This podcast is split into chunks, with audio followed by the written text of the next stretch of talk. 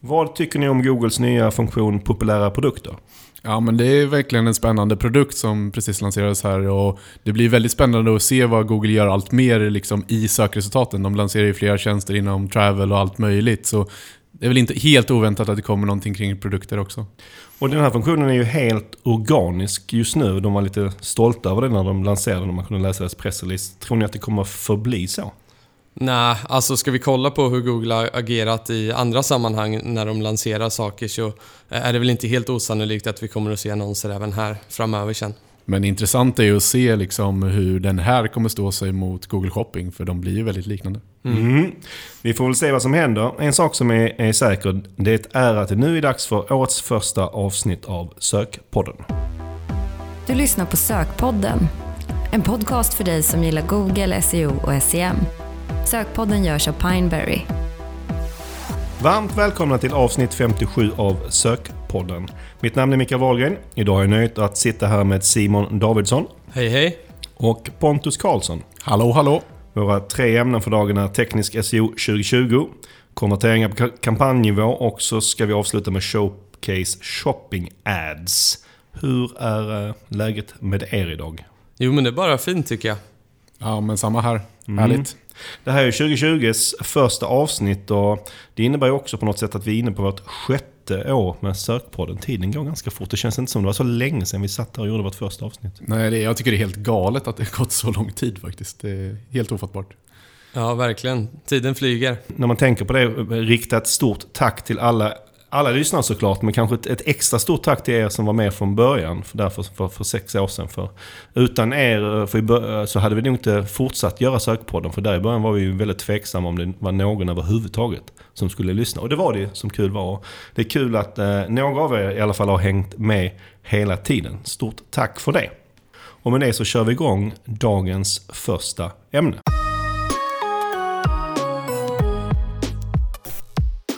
Vi börjar året med att prata om teknisk SEO 2020. Ja, det är en helt perfekt början på året. Mm, precis va. Och vi kommer att utgå från en artikel av Kevin Indig som eh, kom för en dryg vecka se- sedan och eh, vi länkar till den här artikeln i avsnittsinlägget. Mm, jag måste säga att det var en av de mer imponerande artiklar jag sett på länge. Det brukar vara lite tvivelaktigt sådär på början av på året, men det var en bra artikel. Ja, många sådana här 2020-artiklar, eller du vet, man ska titta framåt i tiden. Och även sådana här roundup, som det här var, att man har samlat massa experter som säger vad de tycker och tänker om saker och ting. Brukar, kanske inte brukar vara mina favoriter. Nej, men exakt. Och Roundup eh, på det här sättet brukar ju annars kunna vara rena länkbeten. Ja, jag har varit med ett par gånger sådär som där någon har kontaktat mig och vill vara med som expert och säga någonting om någonting SEO-mässigt. Det enda du kan vara säker när du är med i ett sånt sammanhang är att när artikeln är publicerad så kommer du få en ny, en ny kontakt som säger kan du länka till den här. Eh, men eh, ja, det här var ett litet undantag. Ja, och man får ge, ge dem cred för smarta länkbeten i alla fall. Även om du har sett igenom det. Ja, precis. Och i, i artikeln har då Kevin frågat 15 olika SEO-experter om tekniska SEO-trender under 2020. Och han har summerat detta i 16 eh, punkter. Och jag tänker att vi går igenom var och en av de här punkterna och ger lite vår syn på dem. Vi håller med eller vi inte håller med och vad vi, vad vi har för tankar kring det. Ja, men det tycker jag låter som ett bra upplägg. Och innan vi eh, börjar med första punkten tänkte jag att vi generellt kan beröra lite teknisk SEO en sekund. För att en fråga som jag ganska ofta får är att du har jobbat med SEO så länge. Eh, det måste vara en stor skillnad på SEO idag och för 15 år sedan. Och numera brukar kanske mitt svar låta så här. Ja, det har inte kanske ändrats så mycket som man kan tro. Du kommer fortfarande väldigt långt med bra innehåll och länkar. Så, alltså, det är fortfarande samma sak som eh, för, för 15 år sedan. Men det är klart att det finns vissa skillnader. Och, och den absolut största skillnaden jag brukar numera då lyfta upp är att SEO har blivit mycket, mycket, mycket mer tekniskt. Håller ni med om det? Ja, verkligen. Jag tycker det är en väldigt stor skillnad i liksom sista fem åren i alla fall, eller något i stil med det. Så, eh, och i och med förflyttningen blir att det blir mer och mer tekniskt så förutsätter det att det finns lite olika typer av kompetenser också som även jobbar med SEO. Som kanske är mer beteendestyrda eller mer tekniska. Mm, intressant att du tar upp det Pontus. För första punkten, vi går in på första punkten i artikeln, så har den lite om speciell, speciella kompetenser man kan ha. För den handlar om JavaScript och, och, och Python. Och att eh, dels handlar det om att det är väldigt många sajter som använder det här såklart. Men att man som SEO-are kan använda sig av de, det här för att dels för att förstå sajter och även kunna få bygga egna eh, verktyg. Ja, ja absolut. Och JS är någonting som jag själv behövt lära mig mycket mer om sista åren. Liksom, I takt med att det har ökat väldigt mycket. Python däremot är kanske mer till för verktyg som jag har tolkat det lite grann. Mm. En, en, sak som jag tycker är lite intressant här är att eh, jag fick en, nyligen en fråga från en, en tjej som pluggar till online marknadsförare och hon eh, eh, har fått lite förkärlek för SEO. Och då sa hon, frågade mig så här, hur kan jag lära mig lite mer avancerade SEO? För hon kände att hon inte kanske riktigt gjorde det på sin utbildning. Och det kan jag förstå att man inte gör. Och jag sa att det kan vara svårt att lära sig avancerade SEO på en utbildning. Utan det får man göra när man gör SEO så att säga. Mm. Så är det ju. Men så sa jag till henne, så, halvt på skämt, halvt på allvar. att om du vill göra något avancerat SEO-mässigt och lära dig någonting då, så att säga i skolbänken. Så se, se, se till att lära dig JavaScript. Är, är det ett bra tips tycker ni? Ja, utifrån att man måste kunna prata med utvecklare kring JavaScript när mm. de väl ska få sajten att fungera. Så absolut. Mm. Det underlättar absolut att, att, ha en förståelse för det. Mm. Ja, för jag tror att man får... Man, nu, nu säger jag inte att alla SEO ska ut och lära sig JavaScript. Jag är inte säker att jag kommer att göra det. Jag har en viss förståelse, men den är väldigt basic. Liksom. Men om man kan SEO och kan JavaScript, det är klart man har någon form av edge. Mm. Ja, ja, men jag tror just hela grejen att kunna prata. Sen är det inte alltid alla behöver kunna skriva, men att just ha förståelse för hur det är uppbyggt är ju superviktigt. Mm. Okej, okay, det var punkt ett. Vi går vidare till punkt två och den handlar om att man ska automatisera SEO-arbetet. Eh, och där upplever jag att det händer en hel del. Jag vet ju själva att vi lägger väldigt stort fokus eh, vid att automatisera såväl större som mindre saker och eh, eh ja, hitta skript och så vidare som vi kan använda oss av. Eh, sen är kanske inte SEO lika enkelt att, att automatisera alla gånger som SEM, där ju Google lägger stora resurser. Ja, och det är väl det som är den stora skillnaden mellan SEO och Google Ads. Liksom att det finns så många olika aspekter att ta hänsyn till inom SEO medan Google Ads är ett enda format i en situation. Och Det är det som jag tror att alla de här olika signalerna kan du jobba på olika sätt med olika automatiseringar inom SEO. Mm. Alltså vi kommer komma in eh, på en liten annan punkt lite längre fram så är ju SEO, det finns ju inte lika hårda regler som för Google Ads när det gäller mer eller mindre det mesta. Vilket gör att det klart blir svårare att göra exakta verktyg också.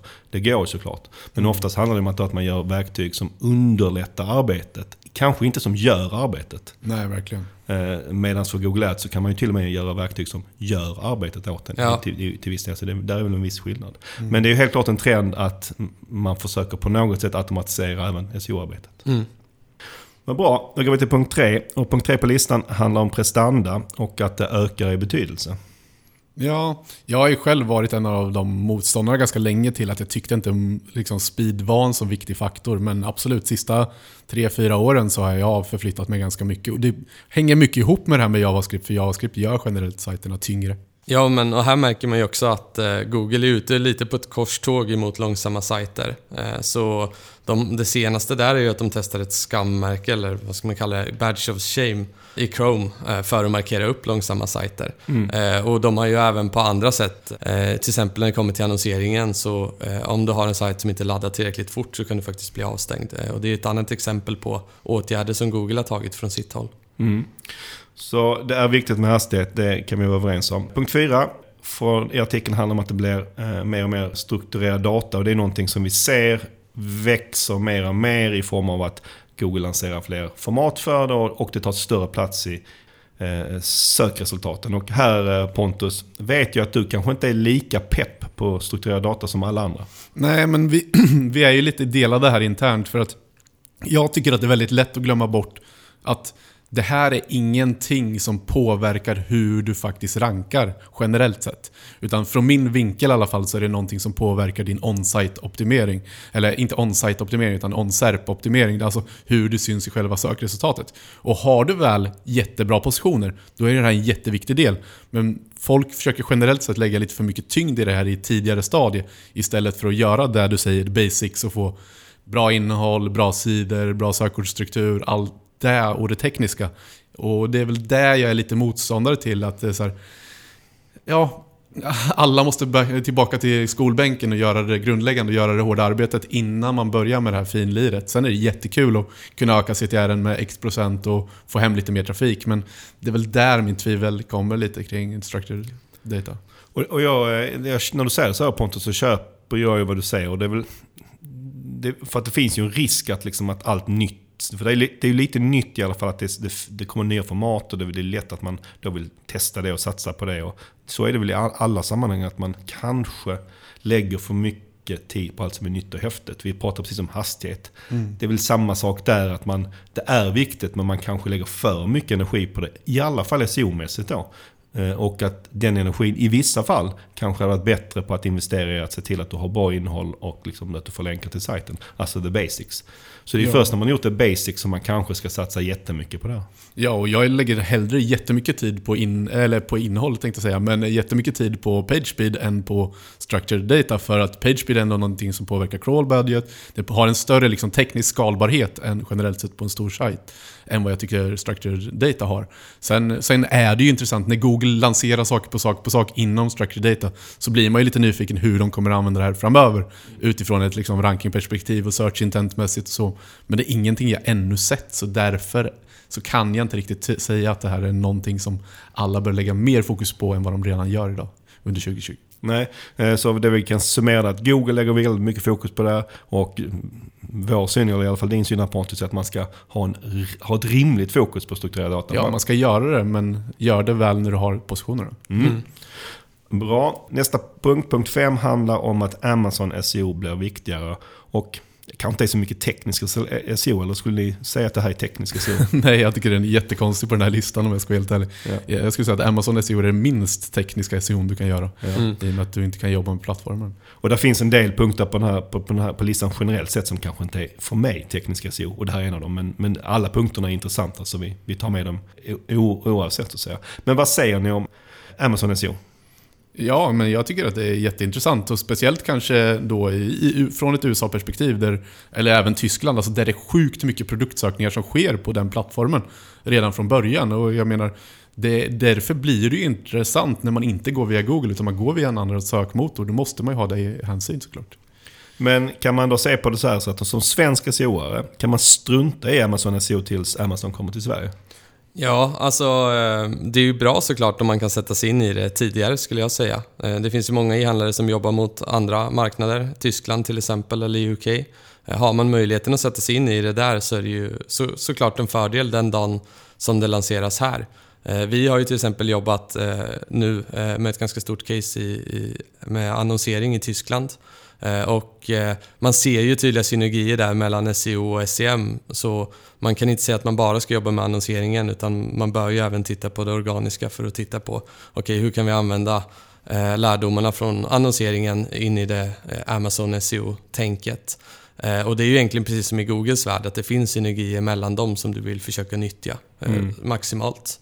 Men synergierna är extremt mycket större på Amazon än vad de är på SEO. Ja. Eller än vad de är på Google. Eftersom det Ja. finns en, någonstans en korrelation mellan annonseringen eh, och att det faktiskt hjälper dig att ta organiska positioner eh, så blir det jätteviktigt. Mm.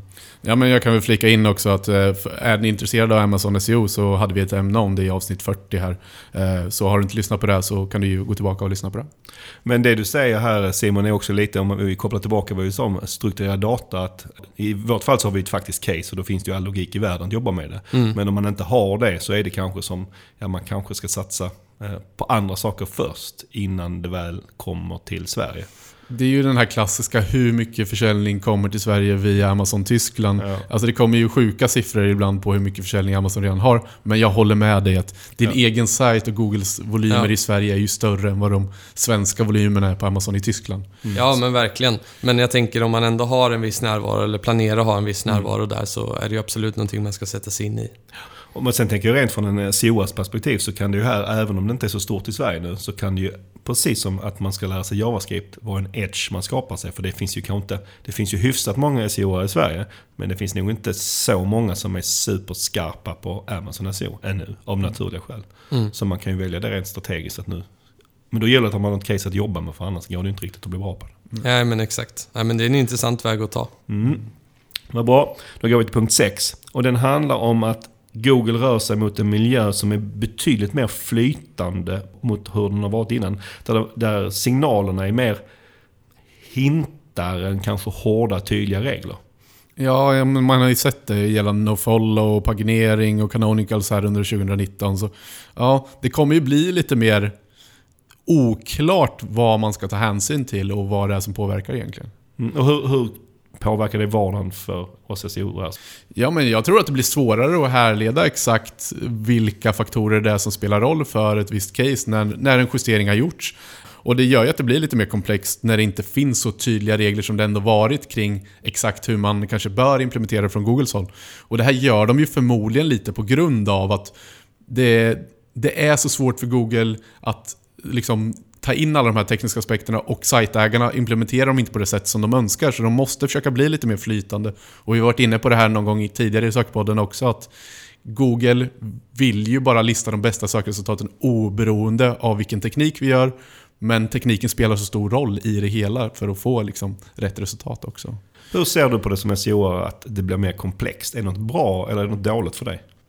Jag skulle säga att eh, det rent generellt sett alltså, kan vara både och. För det är klart att det ställs ju större krav på de som ska jobba med SEO på en sajt. Så utifrån det, så när man sitter med mycket case så tar man ju mycket lärdomar som man kan ta med sig in. Och i och med att vi sitter med mycket kunder så är det klart att vi kan se det på många olika fronter.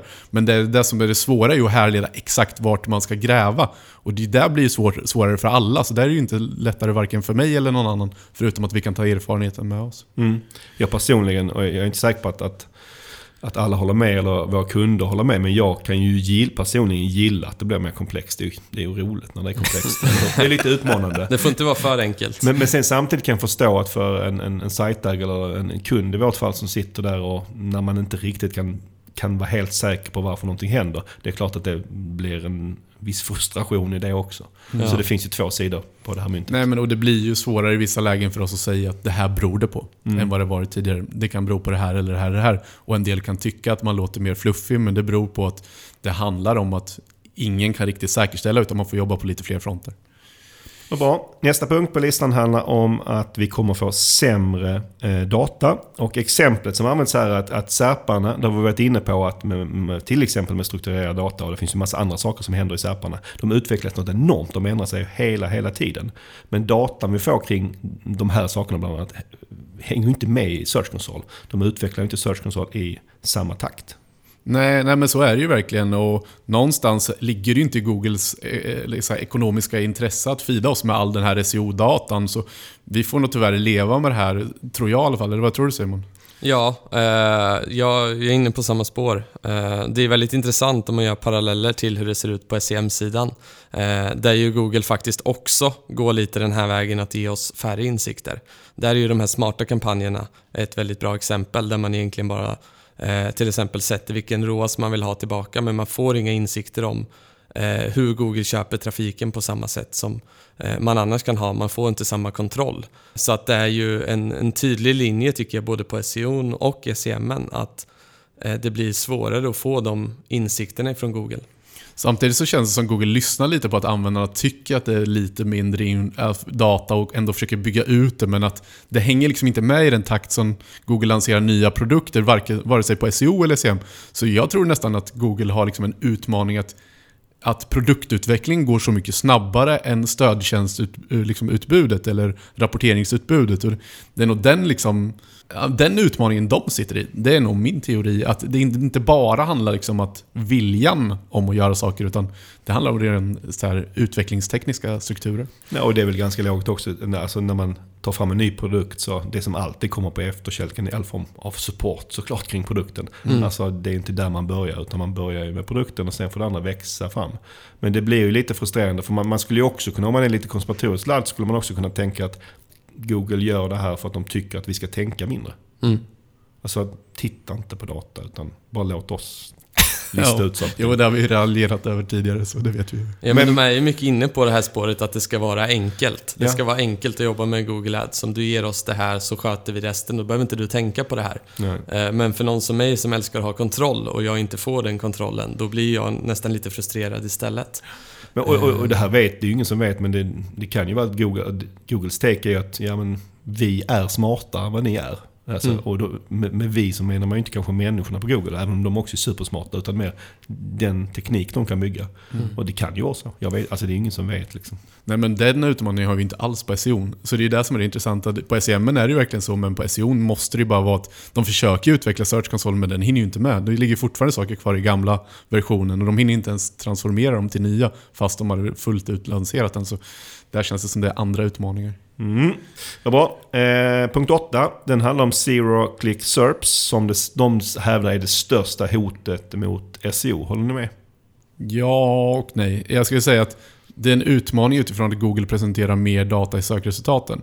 Men syns du inte i sökresultaten så har du inte möjlighet att besvara frågan oavsett om du får trafiken eller ej. Så visst, trafiken kan minska på informational search, men eh, det, du kommer ju än så länge i alla fall inte kunna köpa direkt i sökresultatet. Även om Google såklart tittar på den lösningen också. Ja, men jag håller nog med att jag inte, jag tycker, alltså, jag tycker det är väldigt intressant med, med trenden med att det blir fler, alltså andelen zero click SERPs eh, ökar. Det är väl 50% av alla googlingar som det inte klickas ut på nu. Alltså hälften är en väldigt stor andel. Mm. Men om man nu gör SEO för ett mer kommersiellt syfte, att du ska tjäna pengar eller få in någon form av konverteringar, så är det ju inte idag, ens, det kan ju ändra sig, men än så länge så är det ju kanske inte den typen av googlingar eh, som är superkommersiella som drabbas mest av det här. Nej. För de kan inte Google svara på direkt i sökresultatet, än så länge.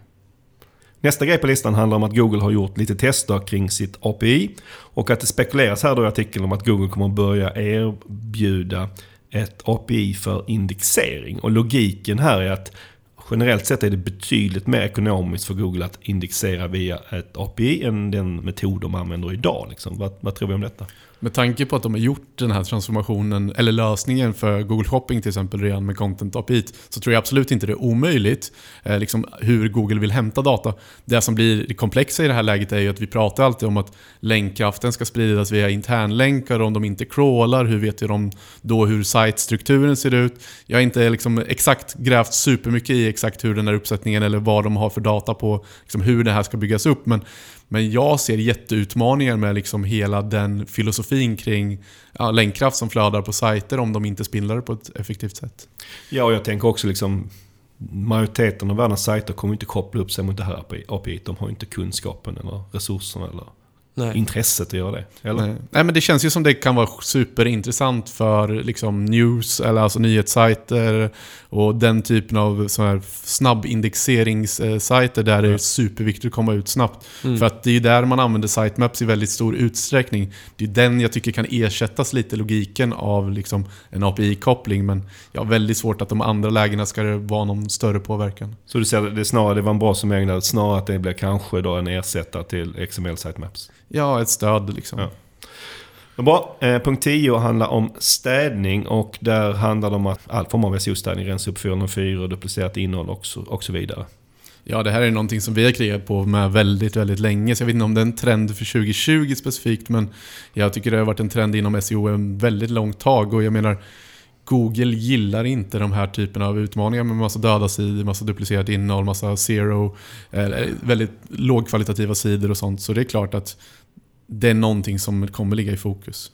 Ja, det jag upplever som om man ska hitta någon form av trend, men det kanske inte gäller bara för 2020, att i takt med att sajter blir mer komplexa, vilket de blir, Mm. eh, så blir det också fler saker som går fel. Ja, det säger sig själv. Ja. Och då blir det mer att städa. Mm. Ja men så är det ju. Eh, Men jag håller med dig där. Man kan ju ifrågasätta huruvida det är en trend för 2020, för det är något som alltid har liksom Ja. funnits där och varit väldigt viktigt. Men men jag tror kanske det här är deras sätt för, så, för att säga att bara för att vi nämner alla de här nya häftiga sakerna, glöm inte det här. För det här är kanske det, ungefär som vi pratade om innehåll och länkar innan. Det här är lite the basics. Det Ja. kanske är viktigare än många av de andra sakerna. För gör du inte det här rätt så spelar det ingen roll att du funderar på de här nya sakerna. Nej, Nej, så men jag tycker det är jättebra att någon lyfter det. För att det är klart att vi, som sagt vad jag sa det tidigare, vi måste göra grunden först. Ja. Och det här städjobbet är inte kanske det mest glamorösa. Det är inte det som, när man pratar med en kund om, om att det här är viktigt, så, så, så är det inte så att det kanske tindrar i ögonen hos kunden. För att, Det är bara hos oss nördar som gör det. Ja, precis. men det blir lite mer som ett nödvändigt ont, att det här måste vi göra bara. Ja. Punkt 11, där återgår vi till, eller återkommer vi till, till JavaScript. Och här handlar det om eh, rendering av eh, JavaScript. Och, och här tar de upp den här, liksom, det känns som nästan eviga frågan, huruvida Google kan rendera ett, ett JavaScript eller inte. Eh, och en intressant siffra som nämns här att som de då har eh, läst någonstans, är att 80% av alla stora e-handlare an använder JavaScript för att visa sitt eh, viktigaste innehåll. Ja, nej men det är inget tvivel om att Google har problem med att rendera JavaScript fortfarande.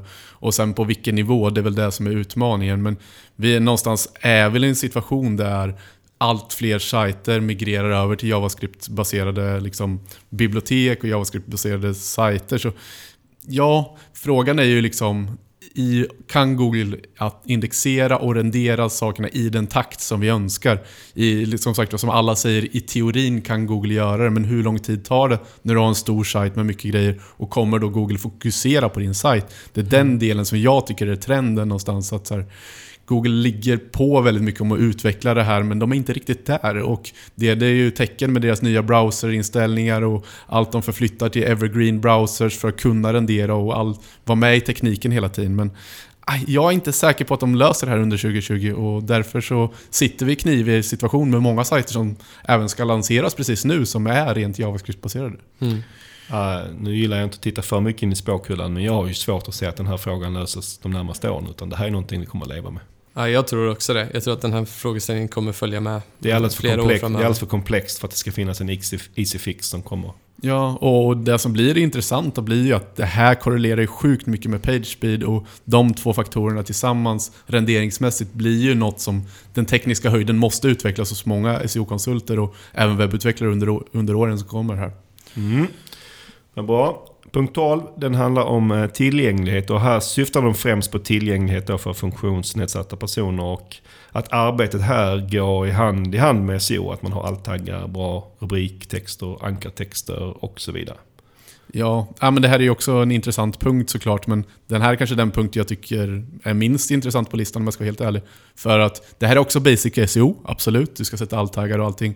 Men att tillgänglighet specifikt är någonting som är en SEO-trend 2020, Nej, det är inte där heller. jag håller med. Jag håller med att både tillgänglighet och SEO är superviktigt. Och då, att jag håller med om att de går hand i hand i nästan alla lägen. Mm. Vilket är bra för att du behöver inte kompromissa egentligen. Mm. Men att det ska vara speciellt viktigt 2020 har jag inte riktigt, kan jag inte riktigt se. Det har varit viktigt jättelänge och, och, ja. och jag har inte riktigt sett det som ett problem heller tidigare i och med att de går hand i hand. Mm. Ja, det är de situationerna som jag ser uppkommer som är på kanske mer statliga sajter och myndigheter. Det är ju när man ska ha en liksom lättläst version och en eh, full version för då kan du ligga med massa duplicerat innehåll och grejer. Så där har du ju en, en utmaning för de som jobbar mer i offentlig sektor kanske. Ja. Bra exempel Pontus. Eh, punkt 13 handlar om maskininlärning. Och här används eh, bland annat då BERT som eh, exempel. BERT var ju en ny eh, bekantskap vi fick under 2019. Ja, men det, det, är svårt att säga att det här är inte är en trend såklart. Det är maskininlärning och pratas ju om överallt. Det som är det intressanta kring det här är att de försöker ju, försöker använda det med RankBrain, de försöker använda det med BERT. Där de försöker förstå mer och mer. Men det blir ju förändringar i sökresultaten, men jag vet inte riktigt om Google hittar rätt alltid med de här. Jag tycker det kan vara väldigt varierande på vissa sökord där de ena gången tycker att det är en sökintention och nästa gång en annan. Och Sverige kanske är en liten marknad som vi alltid vet när det gäller maskininlärning och data för att verkligen hitta rätt utifrån vad de ska presentera för sökintention på ett specifikt sökresultat. Mm. Ja, och de här, många av de här stora uppdateringarna kring eh, de senaste åren har ju liksom man kan, man, de har ju handlat om lite olika saker. Men om man ska summera det så handlar det om intention som du är ute på. Och det, det är inte liksom, man brukar prata om att vi som SEO-are ska liksom förstå intentionen. Men här är det tvärtom. Här är det att Google ska läras bli bättre på att förstå intentionen. Mm. Så egentligen påverkar, att de här nya algoritmerna kommer påverkar ju inte som jag ser det hur man jobbar med SEO. Utan det blir ju bara att Google, eventuellt då om de lyckas, blir bättre på att förstå innehållet. Mm. Jag håller inte riktigt med dig där, för det som är det intressanta med att vi måste anpassa oss sjukt mycket. Om Google är kontinuerlig med att visa en viss typ av sök sökintention på en viss sökfråga, då måste vi vara sjukt anpassningsbara med vad vi skapar för typ av innehåll för den sökfrågan. Mm. Eh, så där blir vi, med de här uppdateringarna, tycker jag, mycket, mycket mer låsta utifrån sökintention. För du kommer inte igenom med något annat. Däremot så om det varierar väldigt mycket vad de visar i sökresultaten, då är det svårt att anpassa sig för att du kan ju inte ha flera olika versioner som du hela tiden ska hantera. Så jag tycker att sökintentionen kräver mycket, och det här är en supertrend för mig 2020, att intention har aldrig varit så viktig som den kanske är nu. Nej, och jag, jag håller med om det från eh, att, att man eh, i sin till exempel sökordsanalys måste lägga mycket tid på att förstå verkligen intentionen för att kunna skapa rätt innehåll. Men min poäng är bara att om du har gjort ditt arbete rätt där, att du har hittat intentionen i de sökord som är intressanta för dig, då kanske inte det spelar så, då kanske inte du kan påverka så mycket sen hur Google sen tolkar det. Nej. Utan det är ju deras algoritm som förhoppningsvis tolkar de det rätt, att, de, att, ni, att man har samsyn kring intentionen. Absolut. Men Den har delen. man inte det som du säger, då är det ett problem. Om de, även om, du, om de ser annorlunda på intentionen så är det klart att då måste man göra om sin analys. Mm. Mm. Nästa punkt här är HRF Lang som beskrivs som ett eh, nödvändigt ont.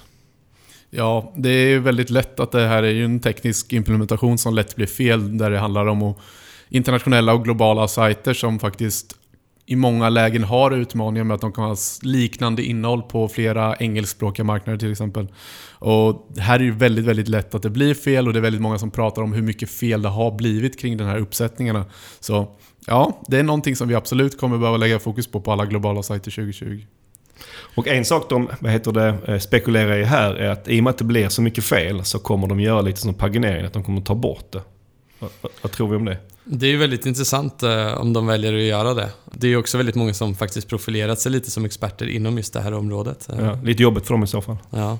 Och för att Google ska kunna göra det så ska de lösa eh, språk kontra marknad och duplicering. Den dagen Google gör det, då har de gjort underverk i världen. Så jag tror inte att den trenden kommer stämma 2020. Det är du lite, tror- lite svårt att se att de, att de skulle lösa det 2020, men Ja, så eh, jag tror det är troligare att de löser maskininlärning eller AI eller någonting på sökintentionen att de löser det här om jag ska vara helt ärlig. Men det kan ju också vara så att om Google uppfattar det som att ORF-lang markupen som finns, den stör, även om inte Google löser att förstå det själva, så kan det ju vara att den ställer till det mer än den hjälper. Och att de struntar att titta på det.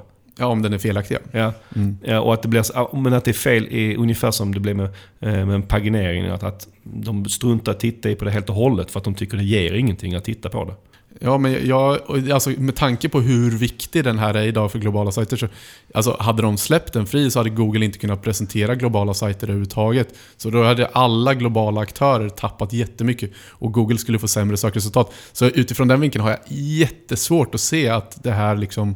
Jag förstår att det är en svår teknisk implementation, det är en konstig lösning av Google, men någonstans kan man inte lösa det på något annat sätt. Ja, jag håller egentligen med dig Pontus, jag bara argumenterar lite för hur, hur de, vad de skrev i artikeln. Ja, jag vet. Bra. Eh, punkt 15 är att SEO ska bli lite hetare bland eh, investerare. Och eh, logiken här är att det finns en del case innan där liksom SEO har liksom varit lite sådär att investerarna har dragit åt sig öronen. För det är, det är stora sajter som har tappat väldigt mycket SEO-trafik som Tripadvisor, Expedia och så, vid, och så vidare. Så, så investerare kanske inte har tyckt det var jättelockande att investera i bolag som är beroende av SEO. Men eh, tanken här då från eh, eh, de här experterna är att eh, de tror att investerarna kommer få upp ögonen för andra typer av SEO-bolag som inte är lika beroende av algoritmiska förändringar. Eller till och med där algoritmiska förändringar är en fördel för dem.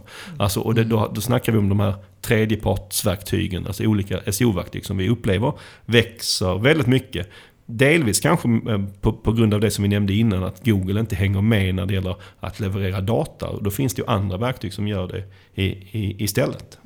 Ja. Nej, men jag håller verkligen med där att tredjepartsverktygen är ju ett väldigt intressant segment. Och man vet ju att investerarna generellt sett tycker SAS-bolag är väldigt intressanta. Och många av de här är, tar ju betalt på den typen av modell och de är också riktade mot business to business där det kanske finns mer förtjänstmöjligheter än vad det gör mot slutkund. Så utifrån det, de här två aspekterna så är det ju en trend inom generellt sett inom investeringar att leta efter den typen av bolag. Mm. Ja, men det finns ju en, en lucka att fylla där. Och, men det är väl samma sak där, att det kan finnas en osäkerhet att den dagen som Google faktiskt steppar upp, om de nu gör det, det kanske inte är så troligt, men om de väljer att göra det så, så, eh, så finns det ju en risk även där att liksom utrymmet för de här bolagen kommer minska.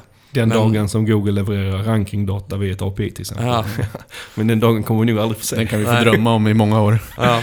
Nu är det här, kan, det här är ju sökpodden. Om vi leker för en liten, liten, liten sekund att vi är börspodden istället. Så att eh, om ni fick välja ett av de här tredjepartsverktygen för SEO att investera i. Mm. Av alla de som RFs, Screaming Frog och gänget. Liksom. Alla ni får, Mm. kan tänka er. Vilken, var hade ni lagt era pengar? Om ni bara får lägga i en. Ja, jag skulle ju ta Ahrefs med tanke på att de har bästa tjänsten på marknaden och eh, tar bäst betalt utifrån liksom, skalbarheten i tjänsten skulle jag säga också. Man kan säga mycket om Ahrefs, men billiga är de inte. Nej. Nej, Nej de, de vet hur man tar betalt men eh, för mig blir det också nog lite emotionellt eftersom att jag är ett stort fan av, eh, av just Ahrefs så eh, skulle jag nog faktiskt gå på dem också. Ja, man kan jämföra med Screaming Frog som jag tycker i princip är i, jag ska inte säga nästan lika bra, men jag har nästan lika stor glädje av det verktyget. Mm. Men deras affärsmodell är ju annorlunda. De tjänar inte alls lika mycket. Så för, om man nu ska tänka sig in, att investera i det här så, så hade jag tyckt att Ahrefs kanske var mer intressant. Ja, då hade jag hellre investerat i Deepcrawl som har en, en annan typ av skalbar modell än vad Ja. Screaming Frog har. Mm. Det, det enda med Ahrefs som man nu ska, eh, som jag är lite orolig för från ett, från ett investerares perspektiv, det är att de håller på att utveckla en sökmotor som ska konkurrera med Google. för att skulle det lyckas så blir i sig aktien värd hur mycket som helst. Ja, exakt. Men att, jag, jag tror det finns en risk att de kommer att pumpa in alldeles för mycket pengar i någonting som aldrig kommer att lyckas. Ja, det vi Ja. brukar raljera över lite på kontoret. Det är ingen som tror på det riktigt. Sist ut här på listan är en liten summerande punkt där man i artikeln konstaterar att teknisk SEO under 2020 kommer att bli både mer komplex och skapa fler möjligheter. Är det någonting vi kan skriva under på? Absolut. Nej, men jag håller med om att det, det blir mer och mer komplext och mer tekniskt. Men vi var inne på det, mer sökintentionsmässigt. Så det, det finns många, många saker som blir mer komplexa, men det finns ju sjukt mycket möjligheter också. och Det ska man inte Mm. glömma bort. Vad bra, då var vi klara. Det var många punkter. Ja, verkligen. Men jag tycker de var riktigt bra. Eller vad säger du? Ja, jag håller verkligen med. Och vi, vi tackar Kevin för en eh, grym artikel och så går vi raskt vidare till eh, nästa ämne.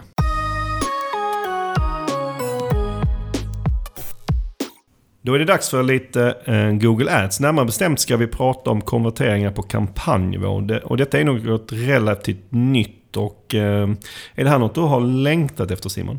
Ja, men det skulle jag nog ändå säga att det är en välkommen uppdatering från Googles håll. Det har ju gått att lösa och gå runt det på andra sätt så att... Men, men eh, det skulle jag absolut säga att det, det underlättar i vissa fall, i, i vissa konton. I, I vilka fall där har du längtat efter eller där du ser att det skulle kunna underlätta? Ja, men det är väl främst i konton där man eh, annonserar med väldigt olika syften. Alltså man, man vill fånga olika intentioner och man har eh, olika målsättningar uppsatta mot de här två syftena. Ja, men ett exempel skulle kunna vara om du är Manpower och eh, du annonserar i syfte att få in nya rekryteringsuppdrag. Men du kanske också vill eh, fylla de här rekryteringsbolagen eh, med nya kandidater och eh, då skulle du annonsera i syfte att få in nya kandidater. Så där har du två ganska tydliga syften som skiljer sig åt. Mm. Ja, men rekryteringsvinkeln är ju alltid intressant här i och med att även om du, oavsett vilket typ av bolag du är, även om du är Volvo och säljer lastbilar, så måste du ju alltid rekrytera och då ska du kunna använda Google Ads som syfte att få in nya CV eller nya kontakter. Och då är det ju superintressant att dela upp kontot och om du inte vill ha separata konton och kunna göra det med det här. Mm. Ja, och, och ett annat exempel är att vi har ju saknat för, för vår egen annonsering. För vårt huvudsyfte med vår annonsering är att få in leads. Men sen samtidigt säljer vi ju böcker. Och det är ju en helt, helt annan sak. Ja, men verkligen. Det finns många, många sådana här exempel. Alla, alla har någonstans den här utmaningen, eller väldigt många har den här utmaningen i sina konton. Mm. Okej, men om vi säger då att du har två eller kanske ännu fler syften med din annonsering. Vad är fördelen med att eh, använda olika eh, konverteringar på kampanjnivå då? Jag skulle säga att den stora fördelen kommer egentligen in när vi börjar jobba med någon typ av smart bidding, vilket vi gör i allt större grad i kontona. Så om du har ett mål som, ja, men som kanske inte är lika bra som det andra målet eller där syftet tydligt skiljer sig åt så riskerar vi ju att, att algoritmen börjar optimera mot fel mål. Givet att du inte har liksom satt något värde på de här målen som vi kommer komma in på lite senare. Tar vi eh, Manpower som exempel igen. Om du vill hitta de som vill rekrytera lärare till exempel och, och de som söker jobb som lärare så vill du ju inte att algoritmen då kanske ska prioritera jobbsökarna främst utan eh, eh, du vill ju främst liksom få in nya offertförfrågningar för de som faktiskt vill rekrytera lärare. Eh, Det går ju såklart att styra det här till väldigt stor del genom val av sökord och val av copy så att det går ju att hantera på det sättet men det här ger ju dig en dimension till där. Mm. Det exemplet upp eh, får man ju, på lärare får man ju tänka på. Om någon googlar lärare, kan ens Google då liksom avgöra om det är en person som är mer intresserad av att börja jobba som lärare eller om det är någon som vill rekrytera lärare? Är Google på den nivån att de kan förstå det? Ja, men det, Google kan ju någonstans ändå använda eh, målgruppshistorik, alltså sökhistoriken. Eh, så skulle du jobba med smart bidding eh, och du en, har kanske använt eh, förstapartsdata till exempel eh, eller and, ge Google mer, mer underlag helt enkelt så, så skulle de kunna avgöra det. Sen skulle väl jag säga att kanske just lärare, om vi skulle ta den sökningen, eh, där har du ju ingen tydlig intention så att jag kanske ändå hade försökt att liksom snäva in och jobba med, med lite tydligare intentioner när jag hade byggt upp eh, liksom, hur jag hade velat synas. Finns det andra fördelar med att göra på det här sättet? Ja, eh, det skulle jag absolut säga. Eh, en, en av dem är ju om man vill göra liksom en första utvärdering i Google Ads och titta på, okej, okay, hur ligger vi till? Hur ser det ut i kontot? Eh, och när man gör liksom själva optimeringsbiten. Vi säger att du skulle göra en manuell optimering här. Då skulle det ju underlätta utan att jag egentligen behöver segmentera på, på liksom mål som kanske inte är lika relevanta. Mm. Eh, och göra den här uppdelningen. Nej, jag vet ju själv, jag har ju gjort så själv att, att till exempel bokkonverteringar har jag tidigare, innan den här möjligheten fanns, valt bort. För att jag vill inte se dem i kontot när jag då snabbt ska få en överblick. För att de är, så, de är inte så pass intressanta och de stör min liksom min manuella analys av kontot eh, så pass mycket så jag har liksom valt att inte använda dem som en konvertering. Mm. För att jag inte kan välja på, på kampanjnivå. Så du har dem inte igång just nu, eller hur ser det ut? En bra fråga. För det, för det första som hände när, jag, när den här nyheten kom, eller när du Simon berättade för mig att nu går det här att göra. Ja. var jag såklart, ah, nu kan jag sätta igång eh, konverteringarna för bokkampanjerna. Mm. För att jag vill ju ändå veta hur det går. Mm. Men jag har inte tyckt det var värt det tidigare. Innan har jag fått kollat upp det här manuellt via Analytics, vilket har varit lite mäckigare. Liksom. Men då visade det sig såklart, eller inte såklart, men det visade sig att eh, våra, de, våra bokkampanjer som är de som, som säljer mest böcker är såklart shoppingkampanjerna. Ja. Och just på shoppingkampanjer kan du inte välja, finns inte den här nya funktionen. Nej. Nej, men det stämmer. Det är ju, eh, vad ska man säga, det är ju en begränsning där, men samtidigt så är det ju nästan ingen som, som jobbar med Google Shopping i något annat syfte än eh, att generera eh, intäkter. Eh, så att det blir ju liksom e-commerce huvudspåret. Sen vet ju jag att vi har satt upp det där lite annorlunda, eller hur? Ja, men vi är ju en liten udda fågel som inte har liksom en, en, en varukorg och sådär som, som, som mäts på ett vanligt e-commerce-sätt. Utan vi har ju ett vanligt formulär. Så vi liksom, jag kan förstå att denna funktionen inte finns som shopping. Men problemet för oss blev att eh, det hade gått och längtat efter. Mm, det löstes inte riktigt 100%. Nej. Okej, det var lite fördelar. Men eh, som det mesta här i världen så finns det säkert nackdelar också. Vilka är de? Ja, men exakt. Det finns alltid två sidor av myntet. Någonting som vi pratar, pratat om tidigare här i sökpodden är just det här med eh, konverteringsvolymer. Eh, och att det ibland kan vara svårt att hitta volymer på konverteringar. Och genom att jobba med flera, flera konverteringar i ett konto så kan vi snabbare få mer data och vi kan feeda algoritmerna med mer data vilket gör att vi Eh, vilket gör att vi då också kan ta beslut snabbare. Så man kan säga att problemet som uppstår här är ju att om du tidigare då haft två konverteringsmål mot en kampanj och nu istället bara eh, har ett konverteringsmål så får den ju, kampanjen får ju mindre data att jobba med i det här fallet. Mm. Ja, men jag håller med om det. Och det, är, det, här är ju väldigt viktigt att förstå då. Har de här två målen väldigt olika syften så kan det ju finnas både för och nackdelar med att bryta ut det. Totalt sett blir det ju mindre data, men, men det kan ju bli mer riktad annonsering om det faktiskt är rätt konvertering. Ja men så är det ju. Så att man får ju verkligen tänka sig för här. Vad är syftet och ska jag dela upp de här eller ska jag, ska jag inte göra det? Mm. Vad bra. Eh, du nämnde i början Simon att det finns någon form av workaround för, för det här tidigare. Vilken har den varit? Ja, eh, det är ju genom att man sätter värde på de här målen och genom att sätta värde så kan man ju värdera målen olika. Eh, så om vi säger att vi har ett mål som är väldigt nära, nära en ny kund, vi säger att vi har en offertförfrågan till exempel, så skulle man ju kunna sätta ett, ett värde utifrån vad en ny kund är värd och göra hela den här uträkningen. Och ställer vi det då mot ett, eh, till exempel en ny nyhetsprenumerant som kanske inte är värd lika mycket, då kan vi ju genom att Genom att vi optimerar efter värdet istället på, på målet så kan vi styra så att Google då inte bara går efter antal mål, i mål utan även värdet som varje mål genererar. Och då, då kan vi styra det här bättre. Skulle du säga att det är vanligt att man gör så här i ads-konton i Sverige? Nej, men jag, jag, skulle säga att det, det tyvärr inte är så vanligt. Eh, och det tror jag ligger mycket i att det, det finns en utmaning i att, eh, att sätta sig och, och, räkna på det här. Och att man kanske inte, det kanske inte alltid är så lätt att räkna på det. Men eh, skulle man göra det så skulle man ju ha en, definitivt ha en USP sen. Så det du egentligen säger här att om vi säger, säger att vi skulle ha ett värde slash vinst då på säg mm, 5000 kronor för ett lead och 50 kronor för en bok. Eh, om vi, om vi feedar eh, Google med det. Eh, då skulle vi lika gärna kunna blanda våra konverteringar som att splitta upp dem. Eh, om vi tycker att syftena är helt olika. Ja, eh, alltså man, man skulle kunna se det så. Men eh, där får man ju titta på vad, vad man helst skulle vilja ha. Alltså vill du helst ha ett lead eller vill du sälja 100 böcker? Och vinstmässigt kanske det skulle innebära samma sak men jag tror nog att du ändå kanske skulle välja eh, att gå emot det här leadet istället. Ja, så är det ju sannolikt. Liksom att vår strategi är ju liksom att växa som byrå, inte att bli en stor boklåda. Men samtidigt propagerar vi ju ofta för att man ska vara rationell ekonomiskt. Och mm. de är det är ju rent pengamässigt så, så blir det lika mycket pengar för oss eller för vem det nu än är. Ja. Eh, så, men känslomässigt så är det klart att jag kanske skulle köra på lead. Ja, men och det viktiga i det här flödet är ju att förstå om båda de här kan leda till samma sak. Det är ju viktigt att separera, är liksom nyhetsbrevsprenumeranten eller är bokförsäljningen i, i långa loppet ett mål för att få en ny kund? Eller handlar det liksom om att man någonstans har en helt annan typ av syfte som jag var inne på lite tidigare, en helt annan typ av målsättning. Mm. Då kan det vara viktigare att separera det i två helt olika flöden. Eh, och det är väl egentligen där man ska fundera på om man ska köra kampanjmål eller inte.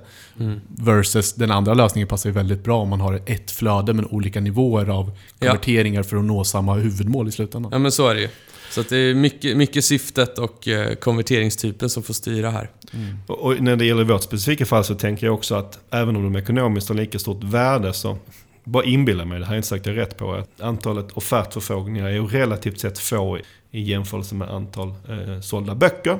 Och då är jag lite rädd i alla fall för att, att jag förvillar Google om vilken som är vår optimala målgrupp. För målgruppen för böckerna och och offertfrågan är lite annorlunda. Till exempel när du tittar på ålder.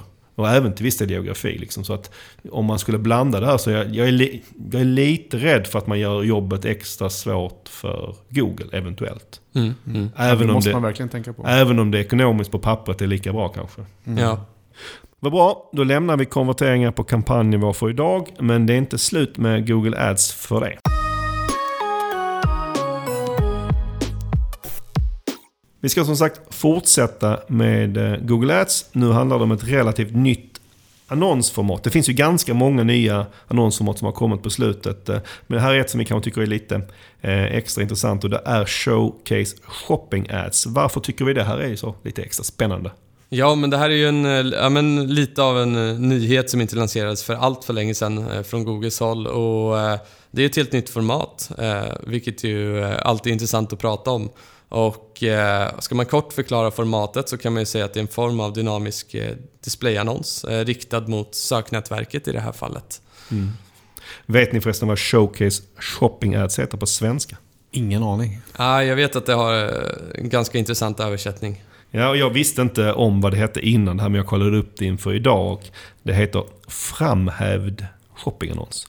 Kommer någon någonsin använda det ordet framhävd? Nej, det är inget jag kommer använda mig av Nej, inte jag heller. Det är därför Nej. vi kallar det showcase shopping. showcase, ja, det, det, låter lite bättre men ibland blir översättningar lite konstiga. Vi gillar ju att prata om varför Google gör saker och ting och här tycker vi kanske syftet är lite extra spännande. Vad ska vi säga är bakgrunden till att Google tar fram Showcase Ads? Ja, men syftet eh, som vi ser på det från vårt håll, om vi nu får spekulera lite, vilket vi får, Eh, Eh, så är det ju att driva mer trafik på bredare sökord, alltså de här upper funnel-orden, genom att skapa ett nytt eh, attraktivt annonsformat eh, för annonsörerna. Och Google har ju sålt ut det mesta av annonsutrymmet i, i lower funnel, alltså de här lite smalare sökningarna, konverteringsnära sökningarna. Men däremot så finns det ju mer ledigt utrymme och väldigt mycket sökningar att hämta på lite mer upper funnel-ord, lite bredare sökord. Och eh, där har, har ju Google inte alls, eh, det är inte alls samma, av naturliga skäl inte samma CPC-nivåer och inte funnits liksom Google har inte maximerat riktigt eh, de utrymmena. Eh, så att det är ju liksom, vad ska jag säga, med det på agendan så är, så är det ju därför som, som Google tittar på det här. Ja, men för att gå tillbaka lite till sökintention tycker jag är superintressant kopplat till det här. För det är ju faktiskt svårt att få annonser att synas på bredare sökord idag via Google Ads. Mm. Och det blir superintressant att se hur Showcase kommer agera. För att ska det verkligen vara ett upper funnel så måste de göra de här synliga på lite fler sökresultat. Och då är det frågan, ska de då öppna upp bara Showcase eller ska de öppna upp Google Ads? Vad kommer det ha för påverkan? Men det är klart att Google använder det här för att hitta bredare sökningar. Det, är ju, det känns som ett givet syfte. Ja, men det finns ju verkligen utifrån ett Google-perspektiv så finns det ju en, en enorm potential här. Mm. Eh, och då öppnar ju också såklart upp nya möjligheter för dig som annonsör att kapitalisera på den här typen av sök. Okej, men om vi går in på själva annonsformatet, hur eh, funkar det? Ja, eh, som vi varit inne på så kan det visas på lite bredare sökningar, alltså vad vi kallar upper funnel-sök. Skulle man exemplifiera så kanske till exempel ryggsäckar eller ännu bredare friluftskläder kanske. Och istället då för att visa en eh, produktannons, alltså en vanlig Google Shopping-annons, eh, så visas en mer generell övergripande bild. Eh, och när man då klickar på den här bilden så kommer man in i en listning där man kan se som en, som en liksom, nästan som en ny sida som öppnas upp i sökresultatet. Där man kan se produkterna då? Ja, för... exakt. Då kan du se utvalda produkter och du kan även ha en rubrik och en call to action. Ja, det känns som ännu ett sätt för Google att hålla kvar användaren i sökresultaten. Ja, exakt. Det blir det, blir det ju verkligen. Mm. Eh, behöver man fixa något eget annonsmaterial för att få det här till att rulla? Ja, eh, så grunden i det här är ju att eh, Google tar ju produkterna från ditt shoppingflöde som du redan har. Eh, så har du, kör du Google Shopping idag så, så har du redan grunden till den här. Eh, men sen så behöver du även komplettera eh, med en headerbild, en mer övergripande bild. Bilden visas ju då högst upp över produkterna kan man säga. Men, och I vissa fall så kommer det även vara den bild som Google visar i första läget. och annars så kan det vara så att Google väljer att visa en blandning av de produktbilderna som man har valt. Eh, och förutom då headerbilden så behöver du även komplettera med rubrik, beskrivningar och landningssida för att liksom få, få annonsen komplett. Och det som gör Showcase lite extra kanske intressant också är att budalternativen är lite annorlunda än vanligt. Ja, men verkligen. Eh, och det är det som är spännande här att Google har lanserat eh, ett nytt format som man även använder sig av på Gallery Ads. Och det är ju att man tittar på engagements istället. Eh, och om vi ska dyka lite på de här tre alternativen som man kan jobba med när det kommer till bud så är ju det första då en max CPE, alltså att man sätter en maximal kostnads per engagement. Ja, men en engagement i det här fallet är ju när någon klickar sig in till din sajt eller när de expanderar den här annonsen och kollar på dina produkter i minst 10 sekunder. Så det måste ju inte nödvändigtvis vara ett klick in till sajten. Skulle man det, med det här också kunna säga då att första klicket in så att säga när du googlar och så ser du en, en, antingen den här samlingsbilden för en produkt eller den, den här headerbilden. Om du klickar på den, det klicket kostar ingenting. Nej, exakt. Så det, det klicket blir ju gratis då kan man ju säga. Mm. Eh, och sen vad du väljer att göra i nästa steg, hur länge du stannar på den här annonsen eller om du väljer att klicka vidare. Det är ju det som avgör huruvida du faktiskt får betala sen. Mm. Vad är nästa budalternativ? Eh, det andra är ju att du använder ett mer automatiserat, en mer automatiserad budalgoritm. Eh, så då kan du använda dig av att maximera klick. Och det som är intressant här är ju då att du eh, maximerar engagement givet din budget. Så att har du 300 kronor att spendera så kommer Google att maximera då engagements utifrån de här 300 kronorna. Ja, det här är lite förvirrande att det heter klick men de går efter engagement. Men det var vi kan härleda oss till i alla fall. Ja, exakt. Det är väldigt förvirrande måste jag säga att, eh, att man gör så. Ja, ja, den skulle kanske heta maximera engagement istället. Men, men uh, ja, eh, den heter maximera klick. Ja. Och sen om vi då tittar på det sista alternativet så är det att man jobbar efter mål ROAS. Och helt enkelt att man, man sätter upp ett ROAS-mål och så eh, som man behöver ha och sen så blir det ju Googles uppgift eh, att välja hur man vill buda eh, utifrån det för att maximera det värdet som man har satt helt enkelt. Jag skulle, eh, jag skulle gissa att det är ganska många som lyssnar som kanske aldrig sett en eh, showcase-annons i Sverige. Eller de har i alla fall inte sett så. Man har nog inte sett så många. För de är inte så vanliga nu, eller hur? Nej, men det stämmer bra. Eh, det är faktiskt inte fullt utrullat. Eh, jag fick, eh, pratade med Google här i slutet av förra veckan om just det här och fick väldigt bra input ifrån Alex på Google, så tack för det Alex. Och det har inte rullats ut fullt än. Och det är någonting vi kan se också, att vi får inte så mycket synlighet på de här annonserna. Men det är under upptrappning och Google har kommit mycket längre i, på andra marknader. Så tittar man på UK eller Tyskland till exempel så kan man se att det är Eh, utrullat i en betydligt större grad där. Men ett bra tips här eh, är att man helt enkelt får försöka gå lite bredare, alltså skapa upp fler annonsgrupper eh, och, och göra fler inriktningar för att försöka få större synlighet om det är så att man, man vill testa det här i lite större skala. Ja, för det här, det här är ju liksom som en, en variant av shopping kan man ju säga. Och, och Google, när, när, de visar shoppingannonser så vill ju Google visa flera olika annonsörer, inte bara en. Och är du den enda som har sig skapat showcase-annonser för någonting som Google anser vara relevant för sig ryggsäckar, ja då kommer du inte visas för det finns kanske ingen att visas med. Nej, men vi såg ju det här när de rullade ut Google Shopping i Finland också. Att de gjorde en successiv utrullning i takt med att allt fler annonsörer kom på och att de faktiskt tyckte att det fungerade för användarna. Och här är det garanterat så att eh, ut, det är fler som kommer hoppa på Google Shopping snabbare i Finland än vad det var som kommer vara folk som hoppar på Showcase. För att Google Shopping är ju mer ett beprövat koncept som fungerar. Mm. Lower funnel dessutom. Mm. Så det kan ju kanske ta lite längre tid för Showcase att få fäste i Sverige. Ja men verkligen, det tror jag att vi, vi får ställa in oss på att eh, förhoppningsvis under 2020 så kan vi, kan vi testa det lite mer i takt med att allt fler faktiskt går in och testar. Ett tips från Google här som du nämnde var ju att om man vill få synlighet så ska man skapa många olika eh, annonsgrupper. Har vi några fler eh, avslutande tips för Showcase Simon? Ja, men eh, precis som när man jobbar med, med Google Shopping i övrigt så gäller det ju att prioritera vilka produkter det är man vill visa upp. Och det kan du ju styra här också. Så vad, vilka produkter är det du vill pusha på? Är det dina storsäljare? Är det dina högmarginalprodukter? Det är precis samma tankesätt när det kommer till Showcase Shopping Ads.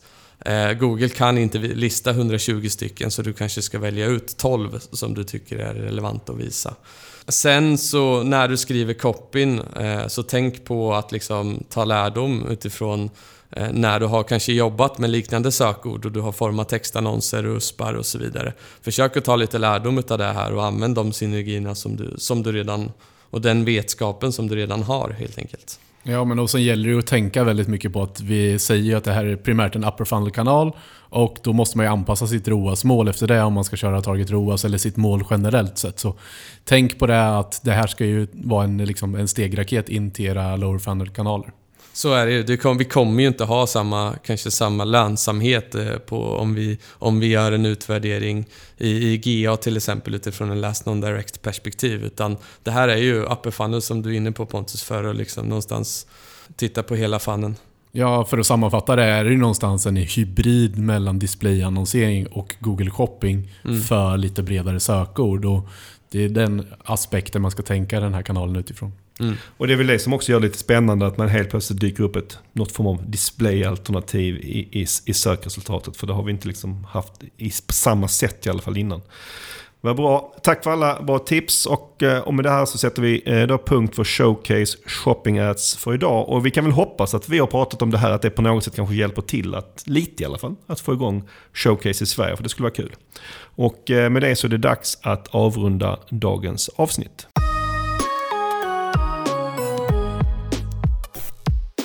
Har du någon feedback på dagens avsnitt eller om du sitter på ett, det här perfekta ämnet som du vill att vi tar upp under 2020. Ja, då hör du gärna av dig till sokpodden pineberry.com. Eh, det kommer vi bli jätteglada över.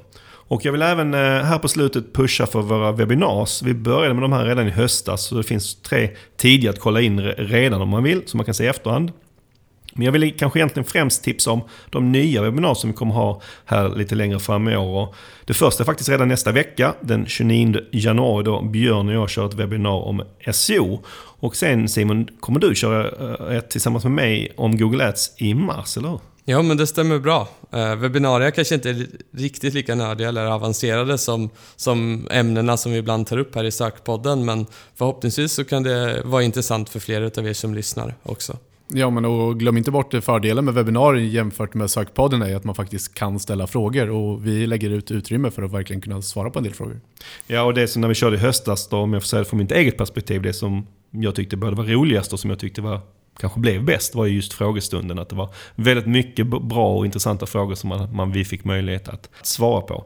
Tycker du att detta låter lite spännande med de här webbinarierna webbinaren så eh, googla Pineberry webbinar och kolla in detaljerna och signa upp. Och självklart så är det gratis. Då eh, återstår det bara för oss att tacka alla som har lyssnat idag. Ta hand om dig tills vi hörs nästa gång. Tack för idag. Ha en bra dag. Hej.